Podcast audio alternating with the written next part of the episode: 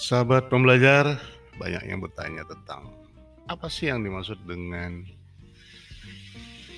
uh, jurnal ilmiah internasional yang bereputasi itu sendiri. Atau mungkin pertanyaan yang lebih spesifik adalah kriterianya apa yang disebut sebagai jurnal ilmiah internasional.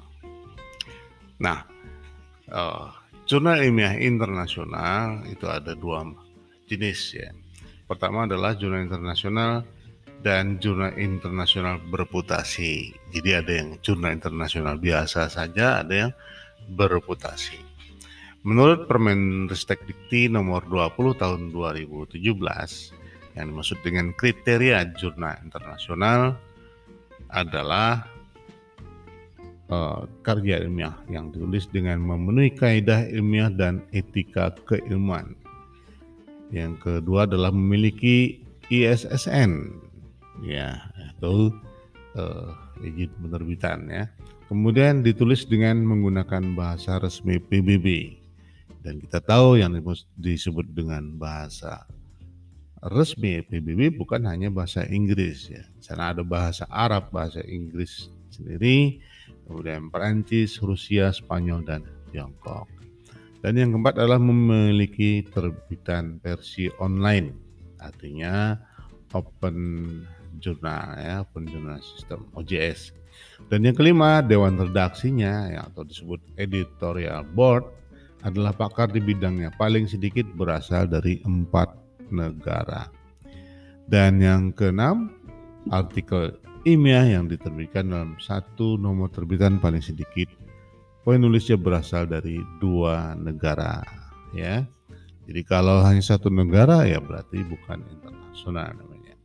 Yang ketujuh, jurnal yang diakui sebagai jurnal internasional oleh Direktorat Jenderal Sumber Daya Ilmu Pengetahuan, Teknologi dan Pendidikan Tinggi. Jadi ada direktori jurnal ilmiah yang diakui oleh uh, apa tadi? Ya, Direktorat Jenderal Sumber Daya Ilmu Pengetahuan Teknologi dan Pendidikan Tinggi. Dan yang kedelapan, jurnal yang memenuhi kriteria pada angka 1 sampai 7 tadi. Namun mempunyai faktor dampak nol atau not available dari isi WebOSign.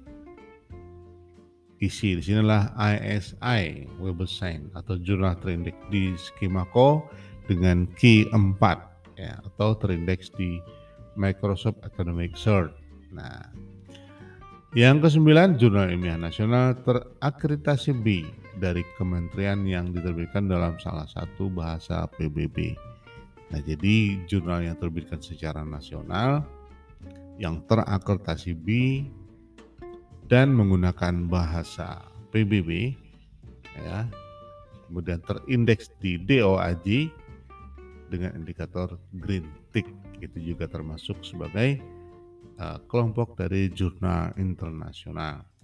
Kemudian yang ke-10 karya ilmiah pada proceeding internasional yang terindeks basis data internasional.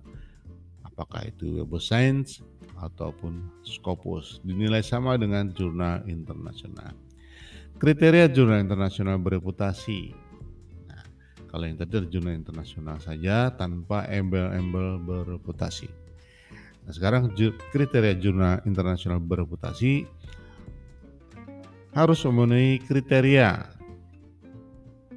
Ya selain 1 sampai 10 yang disebutkan tadi maka ada tambahannya adalah dengan satu diterbitkan oleh asosiasi profesi ternama di dunia atau perguruan tinggi atau penerbit uh, atau publisher yang kredibel yang kedua, terindeks oleh pemeringkat internasional yang diakui oleh pemerintah.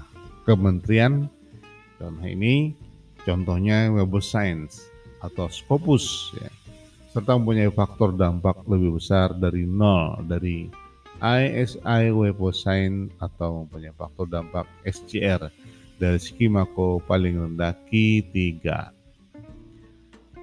Kemudian alamat jurnal dapat ditelusuri secara daring, artinya ada Google Map-nya ya. Kemudian editor board dari jurnal dapat ditelusuri secara daring dan tidak ada perbedaan antara editor yang tercantum di edisi cetak dan edisi daring. Kesekian kalinya adalah proses review dilakukan dengan cara yang baik dan benar dan jumlah artikel setiap penerbitan adalah wajar dan format tampilan setiap terbitan tidak berubah-ubah. Tidak pernah diketemukan sebagai jurnal yang tidak bereputasi atau jurnal melakukan oleh Direktorat Jenderal Sumber Daya Ilmu Pengetahuan, Teknologi dan Pendidikan dan Jurnal Ilmiah Nasional terakreditasi A dari kementerian yang diterbitkan dalam salah satu bahasa PBB terindeks di DOAJ dengan indikator green tick.